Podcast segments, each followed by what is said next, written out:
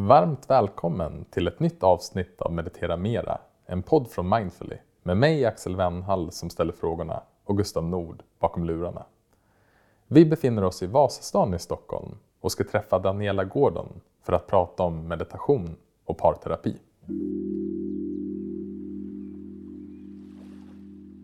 Daniela Gordon arbetar som samtalsterapeut och har under sina 40 verksamhetsår i Sverige, Europa och i USA hjälpt människor att skapa en positiv förändring genom att tolka de dramer och inre konflikter som människor bär på.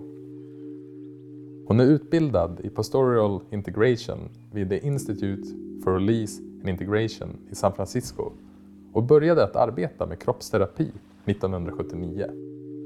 Hon är utbildad i transpersonell psykologi och har en fil.kandidat i litteraturvetenskap. Daniela har också en lång historia som artist där hon bland annat skrivit och producerat ett flertal föreställningar.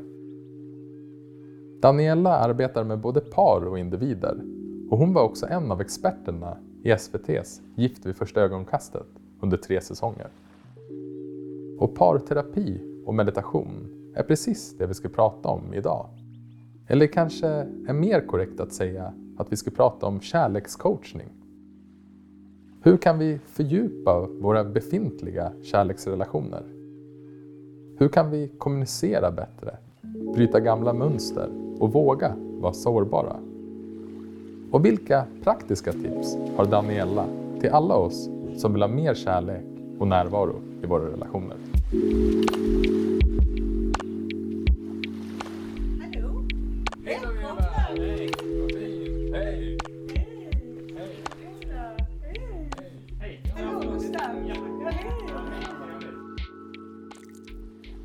Hej Daniela! Shoot.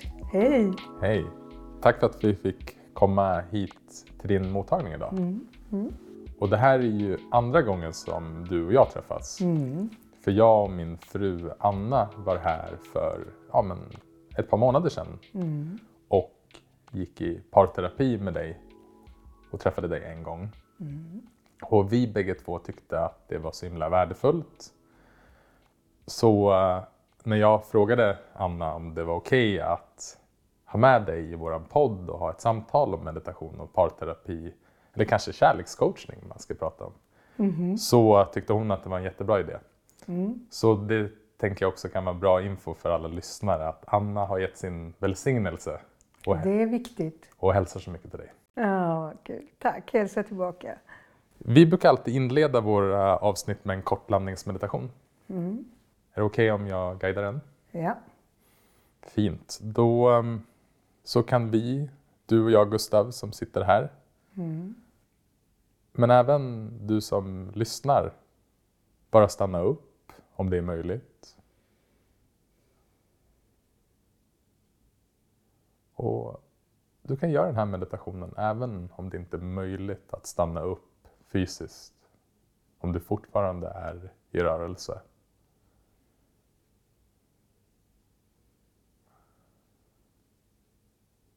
Kan du vända uppmärksamheten mot de ljud du hör just nu.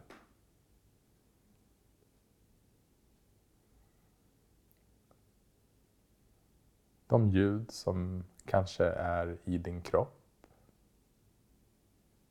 De ljud som är nära. Och även de ljud som kommer långt bort ifrån.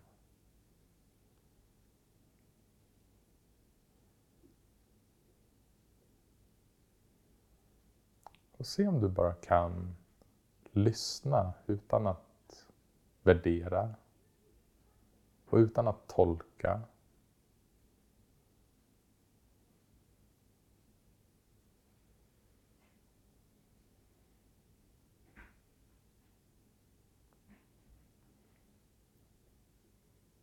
Där ljuden får komma och gå.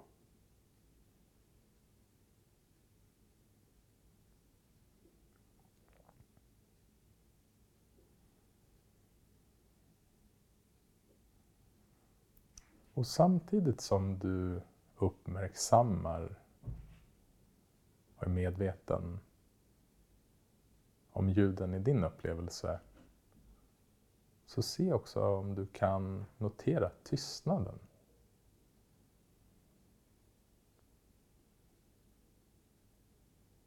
För utan tystnad så kan det inte finnas några ljud.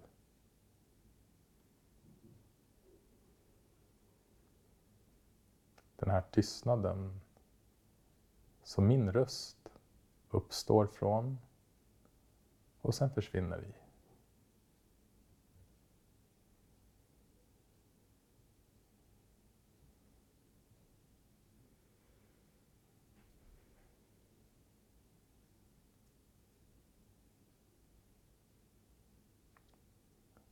Så det var en kort landningsmeditation.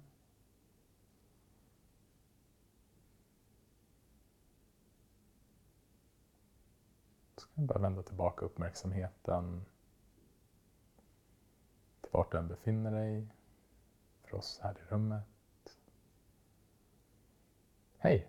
Hej. Hur mår du? Jag mår bra. Mm, lite småförkyld men eh, annars mår jag, jag mår själsligt väldigt bra. Mm. Grundstark. ja. Kan inte du börja med att berätta lite om din bakgrund som parterapeut, men kanske även inom meditation? För jag vet ju att du mediterar också. Ja, men jag, jag kan ju inte säga att jag har någon stor bakgrund som meditation. Jo, i och för sig, jag har ju gått på Zen-centret.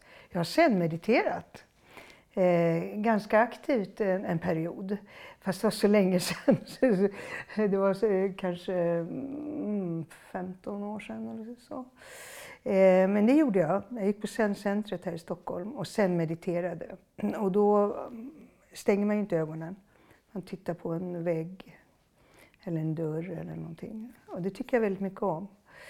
Och eh, sen gick jag då på föredrag varje söndag. Han som ledde det här centret, han heter Sante Panoma, tror jag. Mm. Skrivit en underbar bok som heter Bortom tanken, bort, Bortom tankarna eller något. Ja, det gjorde jag. Och sen så har jag då mediterat off and on eh, och haft många år då jag inte har mediterat så. Men jag tycker att mitt arbete är som en enda lång meditation, faktiskt. Jag arbetar inte alls intellektuellt. Utan jag brukar säga att jag kopplar upp mig, vilket jag faktiskt gör. Kopplar upp mig till universum hela tiden. Eh, men jag har börjat att eh, meditera aktivt igen varje dag. Varje morgon 20 minuter. Mm. Hur hjälper det dig? Ja, det hjälper ju mig naturligtvis att vara mer, mer samlad, eh, mindre impulsiv på fel sätt. Mindre reaktiv. Jag är inte jättereaktiv så, men jag tycker, att, jag tycker bara det är så skönt att börja dagen med meditation. För för mig är morgonen är den heliga stunden. Det är då jag gör allt som jag tycker är kreativt. Det är då jag skriver, det är då jag eh, skapar musik, det är då jag tänker. Allt händer då. Och det är så bra att börja med meditation. Ja, det är inte det första jag gör. Det går inte för mig. Men det är kanske det tredje jag gör. Mm. Mm. Mm. Jag måste äta frukost först. Och din bakgrund eh, som parterapeut då? Hur har den sett ut? Ja, alltså jag har ju jobbat med terapi i 43 år. Eh, jag började när jag var 28. Eh, och jag började med kroppsterapi. Det är egentligen det jag började med. Jag började arbeta med en amerikansk metod som faktiskt inte fanns i Sverige. Jag hade bott i USA i fem år. Jag kom hem och eh, började arbeta med att räta ut kroppen. Det heter postural integration. Räta ut kroppen så att den blir rak, för det kan man göra när man jobbar på bindväven. Eh, väldigt hård terapi, man jobbar med armbågar och trycker jättehårt och sådär.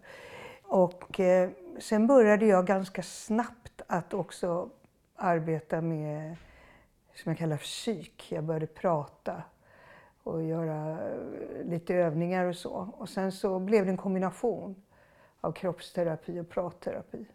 Mm. I många år, 26 år. Och sen så efter 15 000 behandlingar med kroppen så kände jag bara, nej jag orkar inte längre. Så jag slutade med det. och fortsatte med pratet. Mm. Men man kan ju säga att jag, jag jobbar ju väldigt så att säga, spirituellt inriktat faktiskt med mina klienter. Jag gör verkligen det. Eh, Jag jobbar jättemycket med att komma ner i hjärtat och ner i kroppen och connecta till ett större, högre medvetande och sådär. Jag jobbar ju mycket på det sättet. Jag och um, Anna, vi kom ju hit för att vår relation förändrades så himla mycket när vi fick vår dotter Juni. Mm. Och när vi har det här samtalet nu så är Juni snart 15 månader. Mm. Och hennes första år var ju såklart en väldigt omvälvande period för, för oss som individer. Att bli föräldrar och ha någon att sköta om och se till att man håller den vid liv och den ska växa. Men det tog ju också en ganska stor törn på vår relation. Och när vi pratade så berättade du att det här var väldigt vanligt att småbarnsföräldrar har den här utmaningen.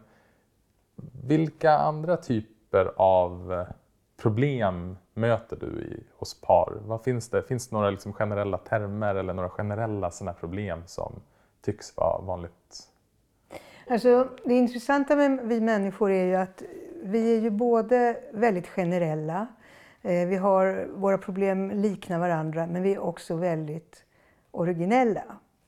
Och jag, jag brukar berätta för mina klienter att du och jag sitter här, vi har helt olika historier och olika bakgrund, men om vi tar bort det som är den personliga skillnaden och, så är vi ett. Vi är en enda stor själ. Och i och med att vi är ett, eh, det är därför också det går att förstå hur människan fungerar. För bakom olikheterna så finns ju likheten. Men det jag kan säga är att eh, alltså, de problem som uppstår i parrelationen, det har ju alltid att göra med att vi tappar intimiteten. Vi tappar bondningen. Vårt bondande på något sätt bryts av. Och eh, antingen är det fysiskt, vi slutar att ta på varandra. Eller så är det psykiskt och känslomässigt. Vi stänger ner och slutar att ha det här öppna, transparenta, Eh, öppna fältet där vi kommunicerar med varandra. Eller så är det både och. Det är alltid där det ligger. Och då vad detta beror på, det är ju olika orsaker och anledningar. Men det finns det är, det är alltså att vi går in i försvarsställning, vi har svårt att kommunicera, vi lyssnar inte på varandra. Vi går in och lever i vår egen värld, vi är inte tillräckligt intresserade av den andra. Ja, det, det, det, det handlar ju om att vi inte tar in varandra helt och fullt som vi har gjort när vi har haft det väldigt bra med varandra. Jag tror en tydlig upplevelse för, för mig och Anna efter vi hade varit och träffat dig var att bara det faktum att vi gemensamt tog beslutet och sen kom och samtalade med dig, bara det själva beslutet var av enorm betydelse. För där i fanns det en kraft och en inten- gemensam intention Ja. om att försöka förändra och försöka förbättra. Precis. Och du vet ju, du som jobbar med meditation, att intention är ju A och O. Intention, vad, vad vi vill. Är, där har vi redan börjat helande processen. Redan i intentionen. Så den är så viktig, precis som du säger. Så viktig. Men jag tänker på det här med att man inte möts och där man kanske inte riktigt har en gemensam intention utan att det kanske finns olika behov. Där den ena personen har ett större behov av en mera kommunikativ kontakt medan den andra personen inte har samma behov och önskemål. Hur kan man gå tillväga då om man är den personen som söker mer kontakt? Eh, ja, alltså det är viktigt där att eh, hitta en balans. Att både den som behöver kontakt får sitt och den som behöver... Nu pratar vi om en, kanske någon som behöver vara lite mer i sig själv. eh, vila i sig själv och kanske inte kommunicera hela tiden, att den personen också får sitt. Och det är ju alltid så. Det är precis samma sak med sex. En person vill ha sex fem dagar i veckan någon annan vill ha en gång var fjortonde dag. Mm. Hur, hur, hur, gör man då? Och detta är olika genuina behov. Ja, man, man, man får hitta ett sätt där, där båda får sitt. Eh, och det är ju Mm, det är ju att lyssna in båda behoven.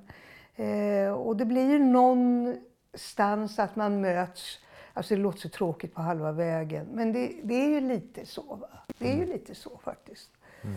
Eh, eller att man eh, hittar ett sätt där den ena får sitt en, en period och så får den andra sitt. Och, men, det är väldigt, väldigt viktigt att båda blir lyssnade på. Mm.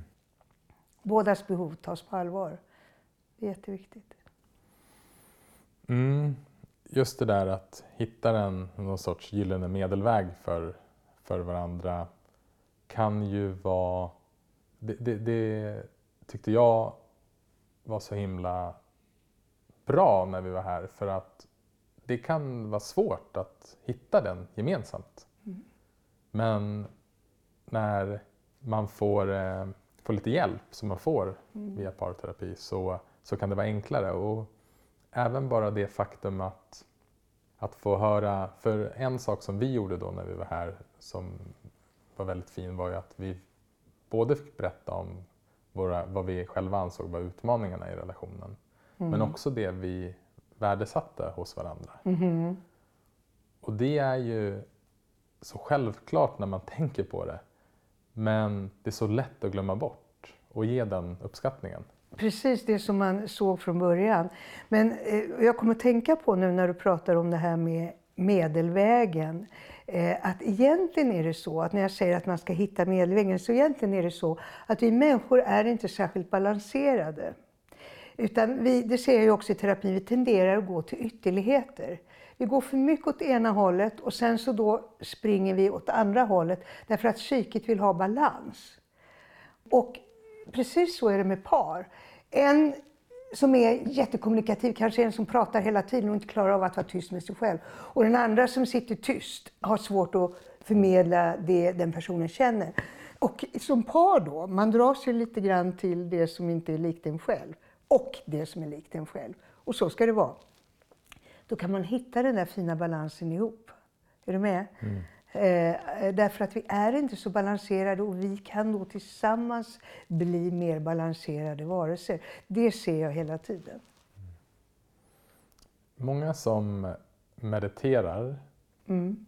upplever stunder av klarhet och närvaro, kärlek och en stark liksom, intention av vänlighet. Mm. Och sen eh, kliver man upp från soffan eller var man befinner sig och mediterar och så möter man sin partner. Mm. Och så är det som att det bara... Mm. Ja, Gustav ja. nickar inkännande och mm. jag skrattar inkännande och du sitter här och, och också ja. nickar instämmande. Vi blir reaktiva direkt därför att det är precis så som Harville Hendrix sa. Känner du till Harville, Harville Hendrix? Han skapade en terapimetod som heter Imago. Mm. Och eh, vad som var så intressant med honom var, på 80-talet så var han ju en otroligt eh, känd parterapeut, en av de bästa i världen. Men han var väldigt missnöjd med parterapin, för han sa ja man ska jämka och så säger man ja du behöver det, du behöver det. Så är det bra i några månader och så är man tillbaka i samma problematik igen. Och han var beredd att ge upp sitt arbete. Han var så missnöjd med det och då kom han på grejen. Grejen han kom på var men vi tar ju med oss våra barndomsrelationer in i parrelationen. Det är det vi gör. Mm. Och i början så känns det alltid som att åh, jag har hittat en partner, den här människan ser mig, eh, den här människan reagerar inte som mina jobbiga föräldrar eller jobbiga syskon. Äntligen är jag sedd och förstådd. Så känns det alltid i början, eller hur? Och vad som händer efter ett tag är att man börjar se att jag reagerar ju precis som jag gör mot min min mamma som jag är irriterad på eller min pappa som jag längtar efter och den andra är ju likadant. Och så har man hookat in precis i de här barndomsreaktionerna. Och då säger Harville Henriks, som har grundat Imago, att det är precis det som ska hända. Det här ska hända för vi kan hjälpa att läka varandra. Mm. Om vi förstår att inte gå in i den här, för då går man in i den berömda maktkampen när vi blir reaktiva. Och reaktiv betyder att du reagerar. Och när du reagerar så är det alltid barndomen som spökar. För du är inte vuxen. Du går igång liksom. Precis som du gör när du barn. Och så kan vi hjälpa varandra att läka när vi då lär oss att uttrycka oss och att lyssna på varandra på ett eh, väldigt konstruktivt och ganska schemabelagt sätt. Lite grann som eh, nonviolent communication som du, som du har skrivit om. Mm. Eh, en struktur, man hittar en struktur att kommunicera på som hjälper paren att lyssna på det här sättet. Att lyssna, det handlar ju om lyssnande mycket. Det där slår verkligen an en, en ton hos mig och när jag liksom ser på de reaktioner som både jag och Anna har. Hur, hur jag kan tycka att hon är ja, men att hon hamnar i en roll som hon har med sina föräldrar och hon tycker att jag hamnar i en roll som jag kan ha med mina föräldrar. Precis, det är precis det ni gör. Och det kräver ett enormt medvetet arbete för att inte hamna där. Och det är ju det här att ge varandra space och hålla varandra. Att när man då går in i den där reaktionen, för det sker ju på en sekund, att då ta tillbaka den och säga åh, nu är jag där igen. Åh, åh, åh, åh. Förlåt, förlåt, förlåt. Och den andra förstår precis och hjälper. Så hjälper man varandra att reparera direkt. Gör ni det? Ja, men eh, jag tycker att vi börjar lära oss det mer och mer. Och för mig har jag också insett att det är viktigt att när det händer att, att jag också förlåter mig själv först i den här reaktiviteten. Att eh, det kan också komma in en, en del av mig som är lite kritisk över, ja, men du som mediterar så mycket, nu händer det här. Så att jag har också insett att det finns mycket självmedkänsla i det, att kunna först och främst ta ansvar för mig själv och sen kunna göra det tillsammans med Anna. Och ett ord som kommer till mig, eller som jag snappade upp när du pratade, var just det här med kontakt. Att när man möts sen i förståelse och närvaro, där man kan ja, men hjälpa varandra på det sättet och se varandras reaktioner, men även bara ah, få den här lilla kontakten av närvaro som för mig är det andra det- är kärlek. Det är liksom, det är, det, det är liksom essensen av kärlek, närvaro. Hur viktig den är, hur, eh, hur mycket näring den ger till relationen.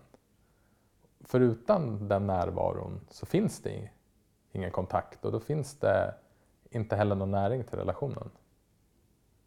Och att kunna göra det tillsammans, för det finns ju ett jättestort värde i att meditera för sig själv och att skapa det värdet, men att just kunna ha de här närvarande samtalen eller de närvarande mötena är eh, så himla viktiga i relationer. Och det tror jag att det vet vi alla människor intuitivt. Men utmaningen för oss är att ta oss den tiden. Och du hade ju ett ganska tydligt förslag till mig och Anna hur vi kunde strukturera upp det. Så vad brukar du rekommendera par att liksom konkret göra för att hitta den här närvaron och den här näringen till relationen? Åh, det finns alltså det är så otroligt mycket övningar. eh, eh, alltså, det är ju otroligt viktigt att eh, när den ena pratar så lyssnar den andra och det är väldigt bra att upprepa det den ena personen säger. För då visar man att man har lyssnat. Vad var det jag sa? Det finns ju övningar för det. Men även om man inte gör övningar så är det otroligt bra. Eh, har jag uppfattat rätt? Var det det här du sa? Speciellt när det är någonting som är laddat. Man kan ju inte hålla på och upprepa det den andra säger hela tiden. Men när det är någonting som är när man går i clinch på något sätt. Att man då stannar, ner, stannar av. Och, men vänta, vad var, det, vad var det du uttryckte här? Och så uttrycker man det igen och så upprepar den andra. Eh, det är otroligt viktigt. Men vad som är viktigast av allt, det är att försöka att inte hamna i de här situationerna. Och det är ganska det är det där vardagsarbetet som jag tycker är det viktigaste. Att man hela tiden ser varandra och ger varandra kärlek dagligdags. Då hamnar man inte i de här jobbiga situationerna på samma sätt. Och det, för det första händer det mycket, mycket mer sällan. Och när man har den här kärleksfulla förståelsen och kontakten, då är det så mycket, mycket lättare att ta sig ur det. Och ett exempel på kärleksfull kontakt, det är att, för jag brukar säga att kärleken är ett verb. Eh, vi tror att när vi har gift oss med någon eller valt varandra så, ja men han vet ju att jag älskar honom, eller hon vet att jag älskar honom. Ja, det vet du intellektuellt. Men känslomässigt måste du få reda på det här varje dag. Det är det som är grejen. Kärleken är ett verb, alltså känslomässigt måste vi få den här bekräftelsen varje dag. Så det är så oerhört viktigt att berätta för varandra varenda dag vad man, vad man tycker om. Till exempel, åh, oh, jag älskar det här leendet du har. Åh, oh, du, är så, du är så fin när du gör det där. Alltså man ger varandra uppskattning eh, väldigt mycket. Eh, och också fysiskt, tar på varandra väldigt mycket. Eh, jag vet inte, pratade vi om kärleksspråken? Mm, jag tänkte att vi skulle komma in på det också. Ja. Du får jättegärna berätta ja, om det. För att eh, det är nämligen så eh, att det finns egentligen bara fem stycken kärleksspråk som får oss att känna oss älskade. Det låter väldigt märkligt men när jag berättar vad det är så förstår vi att det funkar så här. Och de fem kärleksspråken är att vissa känner sig älskade när de får fysisk beröring och sex. Andra känner sig älskade när de får verbal bekräftelse. En tredje person känner sig älskad när de får presenter och gåvor. Det fjärde kärleksspråket är tjänster. Man känner sig älskad när någon gör något för en, en tjänst. Och det femte är att man känner sig älskad när man får tid tillsammans på ett intimt sätt där man också pratar intimt och är med varandra intimt. Och vanligtvis så har vi, alla de här kärleksspråken är ju jättefina, men vi har två favoriter för det mesta. Och när du inte får det som ditt kärleksspråk behöver, då blir den där tanken tom. Och du känner dig frustrerad och oälskad. Och när man tar reda på vad ens partner har för kärleksspråk, så då, då är det jätteviktigt att man ger precis av det som den personen behöver. Har man samma kärleksspråk, då är man hemma. För man tenderar att ge det man själv vill ha. Mm. Man gör det. Mm. Det som är en kärleksspråk, det är också det man har lätt för att ge. Har man fyra olika kärleksspråk, ja då får man anstränga sig. Mm. Då får man se till att, ha min partners kärleksspråk är fysisk beröring. Men jag, jag får ta på den här personen tre gånger om dagen. Men hur lång tid tar det, de där små sakerna? De tar inte särskilt mycket tid. Nej. Sen tycker jag att det är jätteviktigt det här med att, jag brukar säga till par som har barn och sådär, att man går in så mycket i projektet familjen och får inte den där kontakten med varandra och så lägger man sig på kvällen och man är helt slut och, och barnen eh, hoppar in i sängen. Ja, vet du det. Att man får den här lilla stunden när man bara sitter mitt emot varandra och pratar in, tittar in i varandras ögon och berättar. Du, idag har min dag varit så här. Och så berättar man vad man har funderat på, och vad man har tänkt på, vad man har känt under dagen. Man delar sitt inre med varandra en liten stund. Fem, tio minuter. Det är det här som gör allt. Den där beröringen som tar 30 sekunder. Det där verbala ordet som också tar en minut. Det är det här som skapar den fina relationen. Och det är tyvärr det som inte folk förstår. Utan de tror att man bara kan leva projektfamilj, det vill säga kanske flera barn och man bara är superbusy. Och sen så åker man på den där underbara helgen en gång var tredje månad och då ska man rädda relationen. Nej, nej, det är inte det. Det är det du gör varje dag. Mm.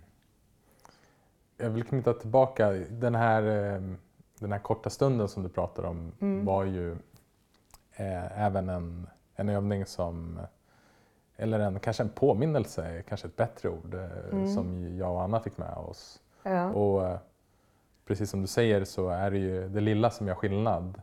Och eh, så här ett par månader senare så ser jag det som att det är så uppenbart och ändå så på ett sätt så märkligt svårt att ibland att få till det. Mm i liksom småbarnsåren. Jag vet inte om det bara är småbarnsåren eller om det är generellt att skapa en ny vana gemensamt. Att det är lätt hänt att det glöms bort eller att någon är lite trött helt enkelt. Men, men vi, jag kan verkligen skriva under med vikten och betydelsen av just den.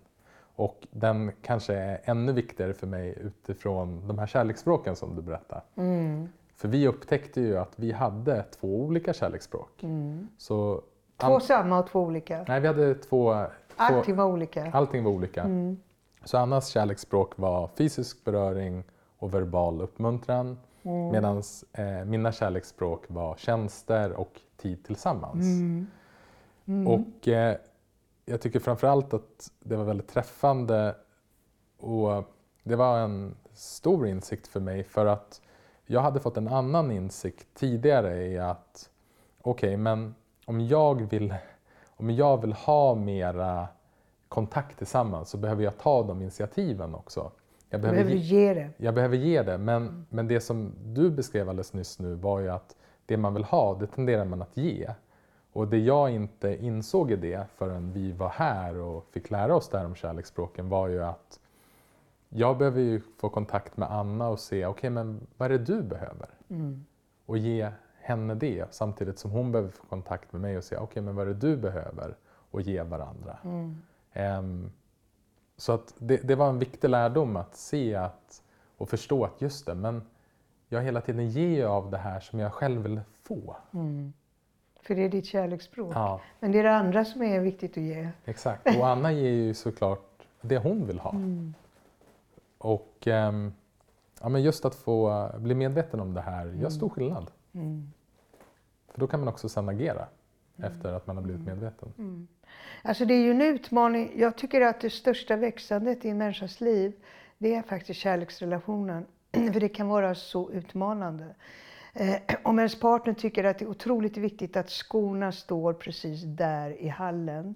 Ja, men, och du tycker, va? Spelar det någon roll var skorna står i hallen? Men för den andra personen är det jätteviktigt och blir, den personen blir superupprörd över en sån sak. Och då kan, då kan du säga, ah, men gud vilken bagatell, åh vad småaktigt, åh vad småaktigt. Men så här är det ju hela tiden. Och det som då jag kan tycka är viktigt, tycker den personen är oviktigt. Även om jag själv tycker att det är jättevackert och ädelt, det jag tycker är viktigt, så är det inte så för den andra personen. Och det är ju den stora utmaningen, att ha den respekten och ödmjukheten inför olikheterna. Det är ett enormt växande. Det ju lite det som Dalai Lama sa om Kina. Vet, som tog över Tibet och, och han säger Jag lär mig tålamod. Kina lär mig den största av alla dygder, tålamod. alltså det är så ödmjukt sätt att se på eh, en sån sak och det ligger någonting i det. Verkligen. Verkligen. Nej, men för det, varandras olikheter, Mm. det är någonting som uppstår hela tiden och, och, och, och acceptera. Och jag tycker själv att när det är som allra enklast för mig, det är när jag inser och förstår och accepterar att jag varken kan eller behöver förändra på Anna utan kan jag bara acceptera att hon är precis som hon är. Vilken övning är att inte klänga fast, som buddhisterna säger, clinging. Va? För vi vill ju klänga oss fast vid våra övertygelser och sanningar.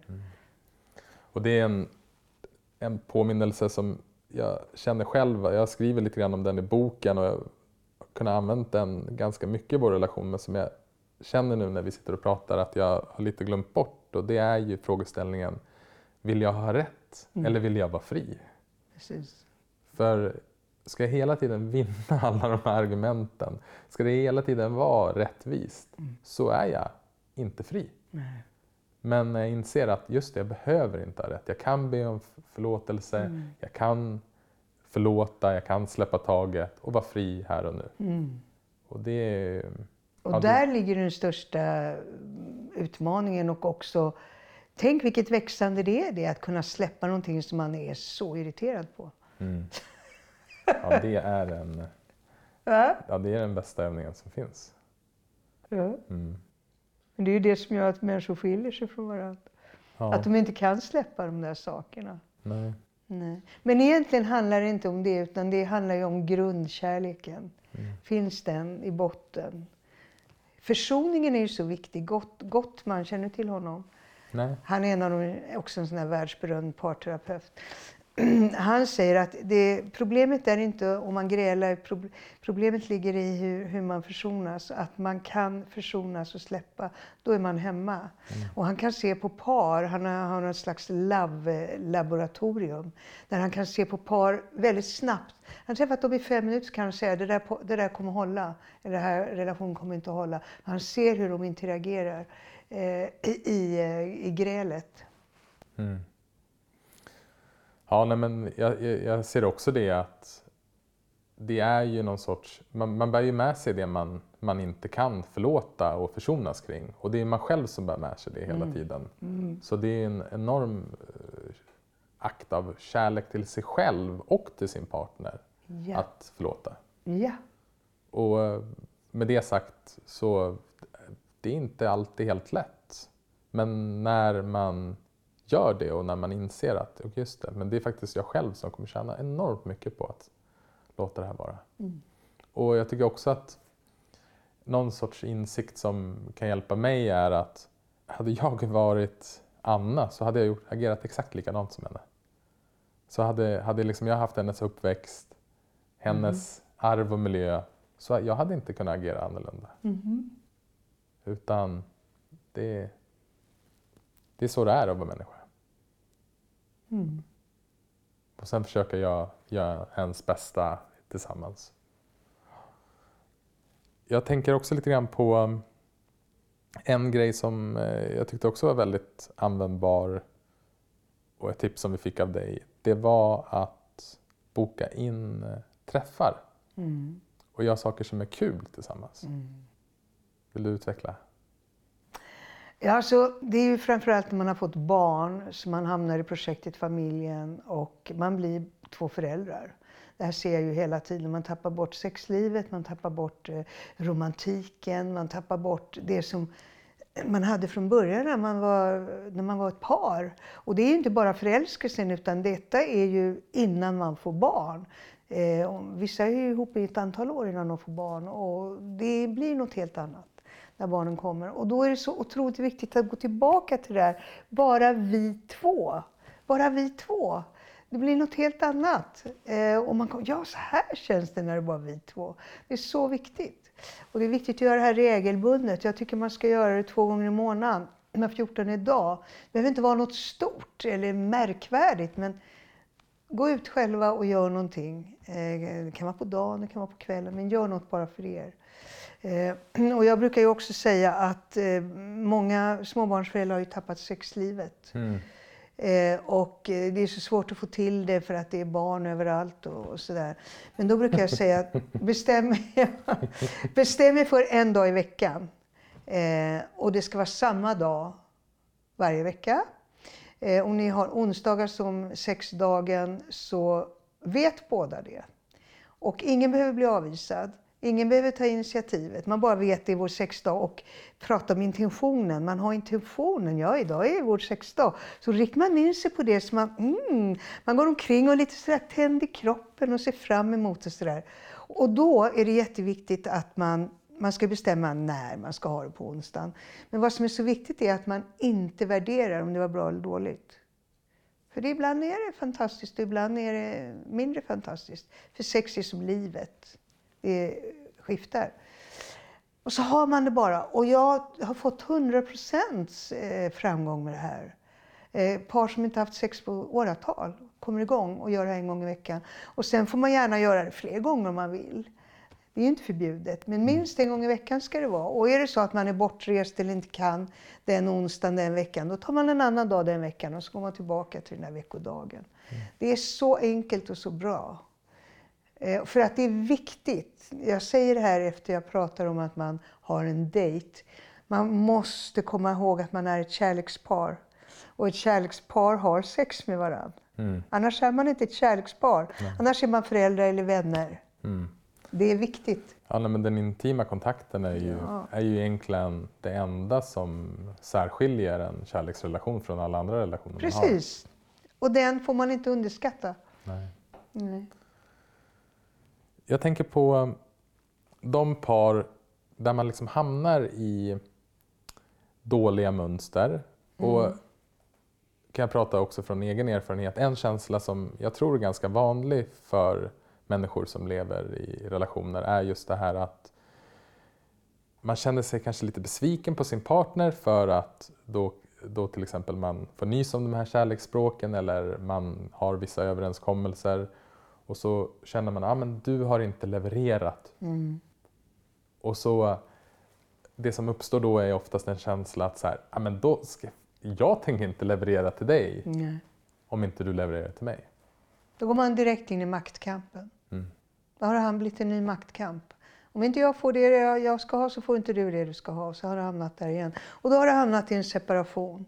Så att uttrycka sig då med giraffspråket till exempel. så- Då kan man ju säga så här, jag blir så ledsen och besviken när jag märker att det här som vi har kommit överens om, du, du gör inte din del av avtalet.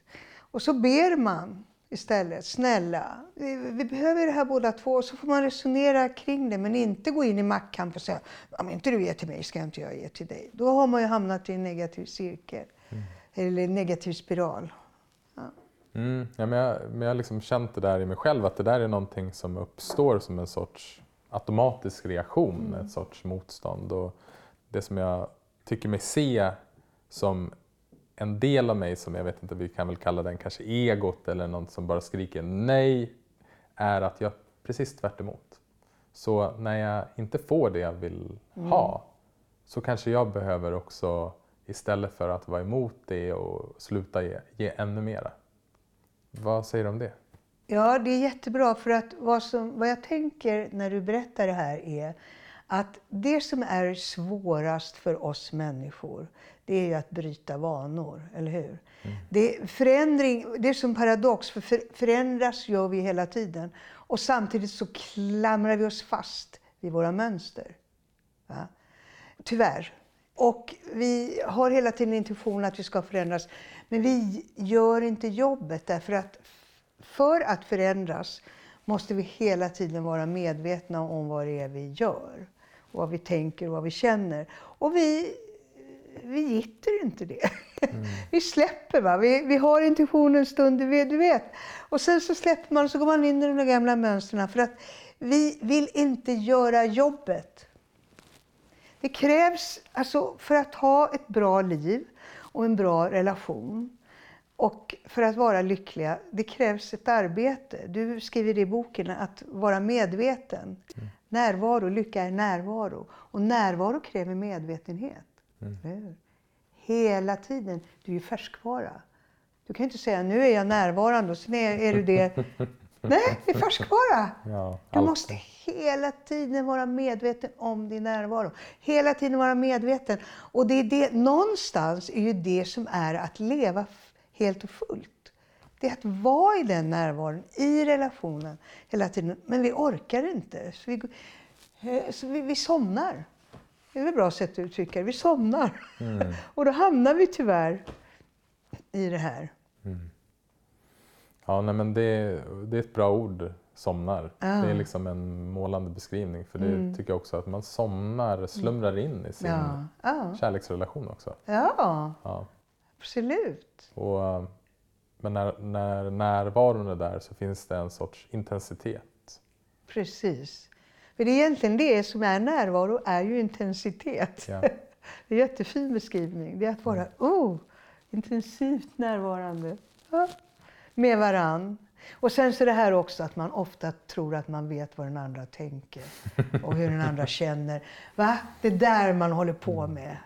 Det, det är livsfarligt. Ja, nej men jag, vi pratade ju lite grann om, om någon form av liksom övning med ögonkontakt och en sån övning som, som eh, vi har i appen och som också står med i boken är ju circling som eh, Daniel Ek har, har lärt oss. Och eh, där finns det en instruktion som är så himla bra. För när man tror, eller liksom när man tycker sig se att den det händer någonting i den andra, Mm. så använder man uttrycket “jag inbillar mig” att det. Mm. du känner eller tänker det här. För det är precis det man gör. Man inbillar sig. Ja, ja precis. Och det ger ett så himla sant förhållningssätt till, till hur andra har det.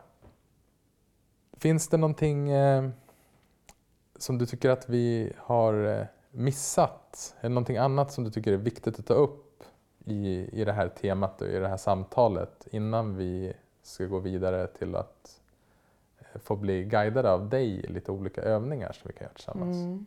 Mm. Har vi missat något? Mm. Eh, ja, alltså någonting som jag tycker är, är väldigt viktigt och, och som naturligtvis relationen lär en är att eh, vi lever ju i ett eh, så uppkopplat samhälle med mobiltelefoner och smartphones och internet hela tiden. Så jag har fått en skev bild av vad det innebär att leva i relationer. Eh, jag brukar kalla det för Hollywood. Vi tror att man ska vara tända på varandra varenda minut och att man ska eh, vara förälskad varenda minut och så vidare. Eh, vi har orealistiska förväntningar på vad en relation är. Och i det så har vi inte tålamod heller. Och kan inte gå med, med eh, vi tar inte in den andra människan helt och fullt som den människan är utan vi har bilder av hur en bra relation ska vara. Vi har bilder och det är oftast det vi har ju bilder av så mycket. Eh, eh, det är en sak som är jätteviktig att inse att det här är en levande människa och relationen är hela tiden i förändring. Jag kan inte klamra mig fast vid hur det var när vi först träffades och var nykära. För nu är det någonting annat som händer. Eh, nu har vi varit tillsammans i så många år och nu har vi fått barn och nu har vi blivit äldre och nu får vi nya behov. Och, och ha den toleransen inför relationen tror jag är jätteviktigt. Eh, precis som att man också... Eh, jag tycker att det är väldigt viktigt att vi reflekterar över våra egna liv regelbundet, i alla fall två gånger om året och tänker, jaha det här behovet som jag hade för sex månader sedan, har jag det fortfarande? Eller vill jag någonting annat nu? Eller, eller någonting annat som är viktigt i mitt liv? Att vi har den öppenheten inför den andra människan. Förändring och att inte fastna i bilder av vad, vad vi tycker att en, hur vi tycker att en relation ska vara. Det är det ena. Det andra är motsatsen. Det ena är då som jag pratade om i det här förskönande eh, Hollywoodbilder av hur det ska vara. Den andra är att hamna i generaliseringar. Eh, vi har ju trossatser om saker. Och att när vi eh, hamnar i de här trossatserna och generaliseringarna då, då låser vi också in den andra partnern. Det är till exempel fyra ord man aldrig ska använda. Alltid, aldrig, borde, måste. Man säger det till partnern. Ja. Du gör alltid på det här sättet. Eller, du borde tänka mer på andra. Eh, du måste vara mindre självupptagen. Eh, och så vidare. Då tänker man ju generellt. Och då har man ju låst in sin partner i, i ett fack. Och då har man låst in relationen och då blir den inte levande. Det där är inte bra. Nej. Och det där kan man ju känna själv när, när någon säger det till en själv och man får ta emot det. Hur, Ja. hur det känns inombords. Du gör alltid sådär, eller hur? Ja, Det är du borde inte ha gjort sådär. Eller, nej, men det blir en kontraktion i en när det händer och man känner sig förminskad på ett sätt. Så att, och det är en, samtidigt en värdefull erfarenhet för det betyder ju också att man förhoppningsvis kan ha med sig den och att inte göra då likadant. Att inte hämnas. Precis. Alltså det som också är jätteviktigt, kommer jag att tänka på nu, det är att, att uttrycka vår sårbarhet istället för att försvara den. Vi försvarar sårbarheten eh, på olika sätt, eh, just- men istället för att uttrycka den.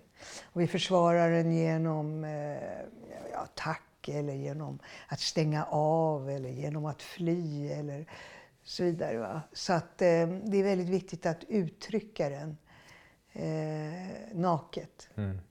Och det är ju kan vara ofantligt läskigt. Men också så otroligt berikande och fantastiskt när man kan mötas i det. Det är ju där som egentligen relationen utvecklas. Precis, för att du sa det där är läskigt. Alltså min uppfattning är att kärleksrelationen är läskig. Mm. Om vi tror att kärleksrelationen är någonting som vi bara går och vilar i och har det jätteskönt i, då misstar vi oss. Kärleksrelationen, kärleken är skör och känslig. Du kan ju också bli lämnad när som helst. Mm. Det finns inga garantier. Nej. Kärleken är, det är en utmaning. Men det är också det största växandet eh, vi kan göra om vi, om vi bestämmer oss för det. Om vi vill att det ska vara, eh, om det, ska vara det. Vi kan ju också använda en kärleksrelation bara för att eh, liksom fastna och hålla på att älta våra mönster. Och plåga varandra. Det är ju många som gör livet ut. Och det är inte så vi vill ha det. Men eh, så om man, kärlek, man lever i den på riktigt och vågar vara i den sårbarheten som kärleken kräver sårbarhet. Mm. Det är ju det som är det intressanta. Varför är kärleken svår? Jo, därför att den kräver sårbarhet, annars kan vi inte uttrycka den. Och kärleken är som en laserstråle. Den tränger igenom alla våra försvar. Jag tycker det där är en så himla viktig sak att ha med sig. För när vi pratar om det här så, ja, men jag tror att alla människor vill såklart känna mera kärlek. Det är, det är liksom självklart för det är i oss, det är vi. Men det man också behöver ha med sig, vi pratade bland annat om att slumra till, är ju att kärleken är bitterljuv på det sättet att den också kommer med smärta. Det gör Absolut. ont Ja. att älska. Ja, det gör ont. Exactly. Det är det här vi måste ha med oss. Mm. Du har sagt någonting av det viktigaste i det här samtalet. Vi har en illusion av att kärlek är bara någonting underbart. Alltså, du vet i Hollywood och det vackra bröllopet med vit... Alltså det är bara lovey-dovey. Nej, det är det inte. Det tar fram dina sår för att man ska kunna läka dem tillsammans. Och då är det ju ljuvligt. Det är också ljuvligt. Men det är både och. Ja. Och det det är det som är livet. Så är ju livet också. Livet är ju också hela tiden både och. Yes. Yes. Nej, men ett autentiskt liv och ett au- autentiskt kärleksliv så Ja. ja, nej, men då, Ja. då kommer det också behöva göra ont. ja, ja, ja. En annan sak som jag tänkte på när du pratade om det här med att dels reflektera över sina egna behov, vad man har två gånger per år, så är det ju som att vår relation är ju som en egen organism som vi har. Och jag, det som kom till mig när du sa det var bara att det kändes som en, också en väldigt värdefull övning att göra tillsammans. Att man ett par gånger per år kanske sätter sig ner och ser, okej men vad har vi för gemensamma behov? Vad har vi för drömmar och vad har vi för... Eh, eh, vad liksom, vilken riktning vill vi mot? Vad behöver relationen? Exakt. Det här är mitt behov. Det här är ditt behov. Vad behöver relationen? Det, den har ju en egen själ. Det tänker vi inte på. Att själva mötet mellan dig och mig skapar en entitet som är någonting levande. Och det, vad behöver relationen för att växa och utvecklas? Ja, det är ju kombinationen av dig och mig. Vi ska snart få bli guidade av dig i ett par olika övningar. Men innan det så har vi ett segment, ett avslutande segment i podden som vi kallar för Fem snabba. Okej. Så då är det första som kommer upp då. Vem eller vilka personer, max tre stycken, skulle du, de kan vara levande eller döda, skulle du vilja bjuda på middag? Eh, en som kommer upp för mig är Krishnamurti. Vet du vem han är? Mm. Han är död. en väldigt vis person. En slags guru.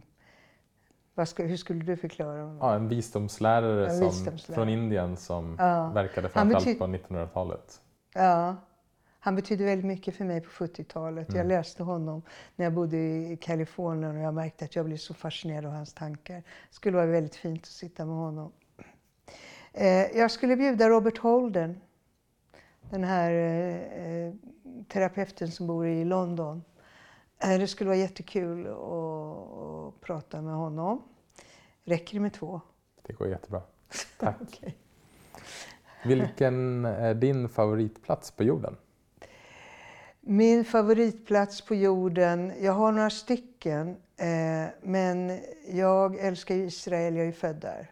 Och det är en plats eh, som jag måste åka tillbaka till. Jag gjorde en gång en soul retrieval där. Jag lämnade Israel när jag var fyra år. Jag gjorde en gång en soul retrieval med en shaman och då upptäckte jag att där, när jag var fyra år, där fanns delar av min själ kvar. Och så jag behöver åka dit och, och, och connecta med Israel. Sen älskar jag också, jag har mina härliga städer. Jag tycker om London, jag tycker om New York. Och jag älskar Kalifornien där jag också bodde ett antal år. Och det är sådana ställen jag återvänder till.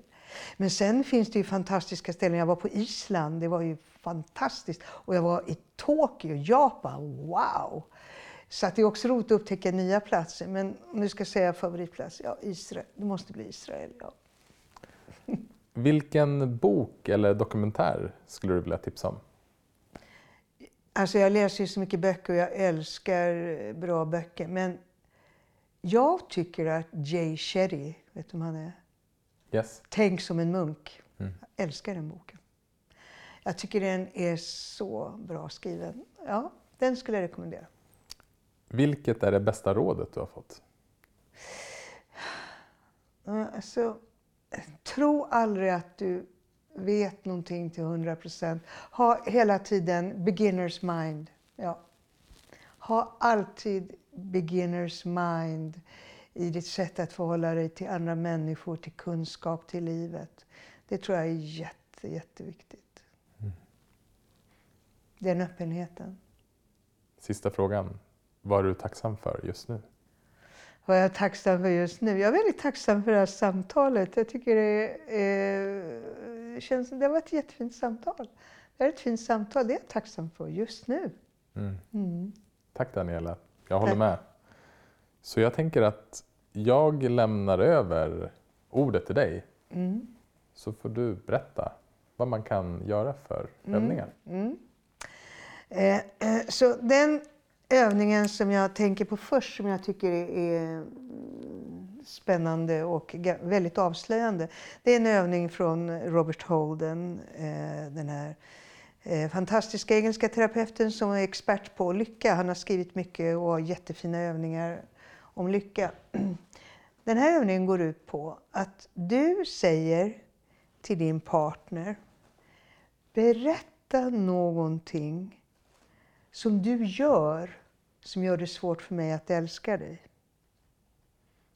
Så ska man berätta vad man, vad man gör som man tror gör det svårt för partnern att älska en.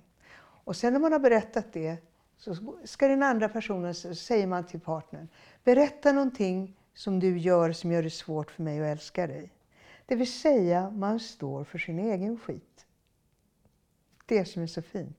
Och vad som ofta händer när man gör det är att man märker att det man själv säger, det jag gör som gör det svårt för min partner att älska mig, det är ofta det ens partner klagar på. Det är ganska kul, men du kommer från dig själv. Du ser det utifrån dig själv. Den tycker jag är jättebra. Och så gör man det fram och tillbaka till man känner att nu finns det inte mer att säga. Så man gör det alltså, måste gå minst liksom fem runder. Inte en grej bara. Berätta något mer som du gör som gör det svårt för mig att älska dig. Okej? tycker jag är en jättebra övning. Den ska du hem, åka hem och göra med Anna nu. och den andra övningen är av en helt annan karaktär. Eh, Då ska ni sitta mitt emot varandra. Eh, Ni kan sitta typ en meter från varandra, men inte längre ifrån. Och så ska ni båda blunda. Och eh, då eh, säger vi, nu använder jag dig och Anna då. Axel, öppna ditt vackra hjärta och skicka kärlek till Annas hjärta från ditt hjärta för att läka hennes sår. Och Anna, du tar emot den här kärleken som Axel skickar till ditt hjärta för att läka dina sår. Och samtidigt som du tar emot den här kärleken som Axel skickar till dig så skickar du kärlek från ditt hjärta till Axels hjärta för att läka hans sår. Och Axel, du tar emot den här kärleken som han har skickat till ditt hjärta för att läka dina sår. Och vad som händer nu är att det cirkulerar kärlek mellan era hjärtan där ni både tar emot kärlek från den andra och skickar kärlek till den andra. Och det bara cirkulerar mellan era hjärtan. Och känn hur skönt och läkande och stärkande det här är. Och glöm inte att andas. Och det här, det här kan man göra. Man kan göra det här varje dag eller flera dagar i veckan. Det här kan man inte göra för mycket. Det är väldigt, väldigt bondande och det är väldigt läkande. Och det är icke-verbalt och det är icke-intellektuellt. Det är bara hjärtat och därför är det så härligt. Ja, det är mina två övningar. Tack. Och tack för att vi fick komma hit idag. Tack för det här fina samtalet. Mm, det var jättehärligt att ha er här. Tack Gustav. Tack Axel. Tack för att du har lyssnat på det här avsnittet av Meditera Mera med Daniela Gordon. Vi hoppas att du har blivit inspirerad av vårt samtal och av Danielas övningar. Om du vill komma i kontakt med Daniela hittar du hennes kontaktuppgifter på vår hemsida mindfully.nu. Och är det något vi tar med oss från vårt samtal med Daniela är att vi aldrig får säga måste, borde, aldrig och alltid. Skämt åsido, det vi också tar med oss från samtalet är att kärlek är ett verb och att det krävs arbete för att både bibehålla och fördjupa sin kärleksrelation. Ta hand om dig så hörs vi snart igen.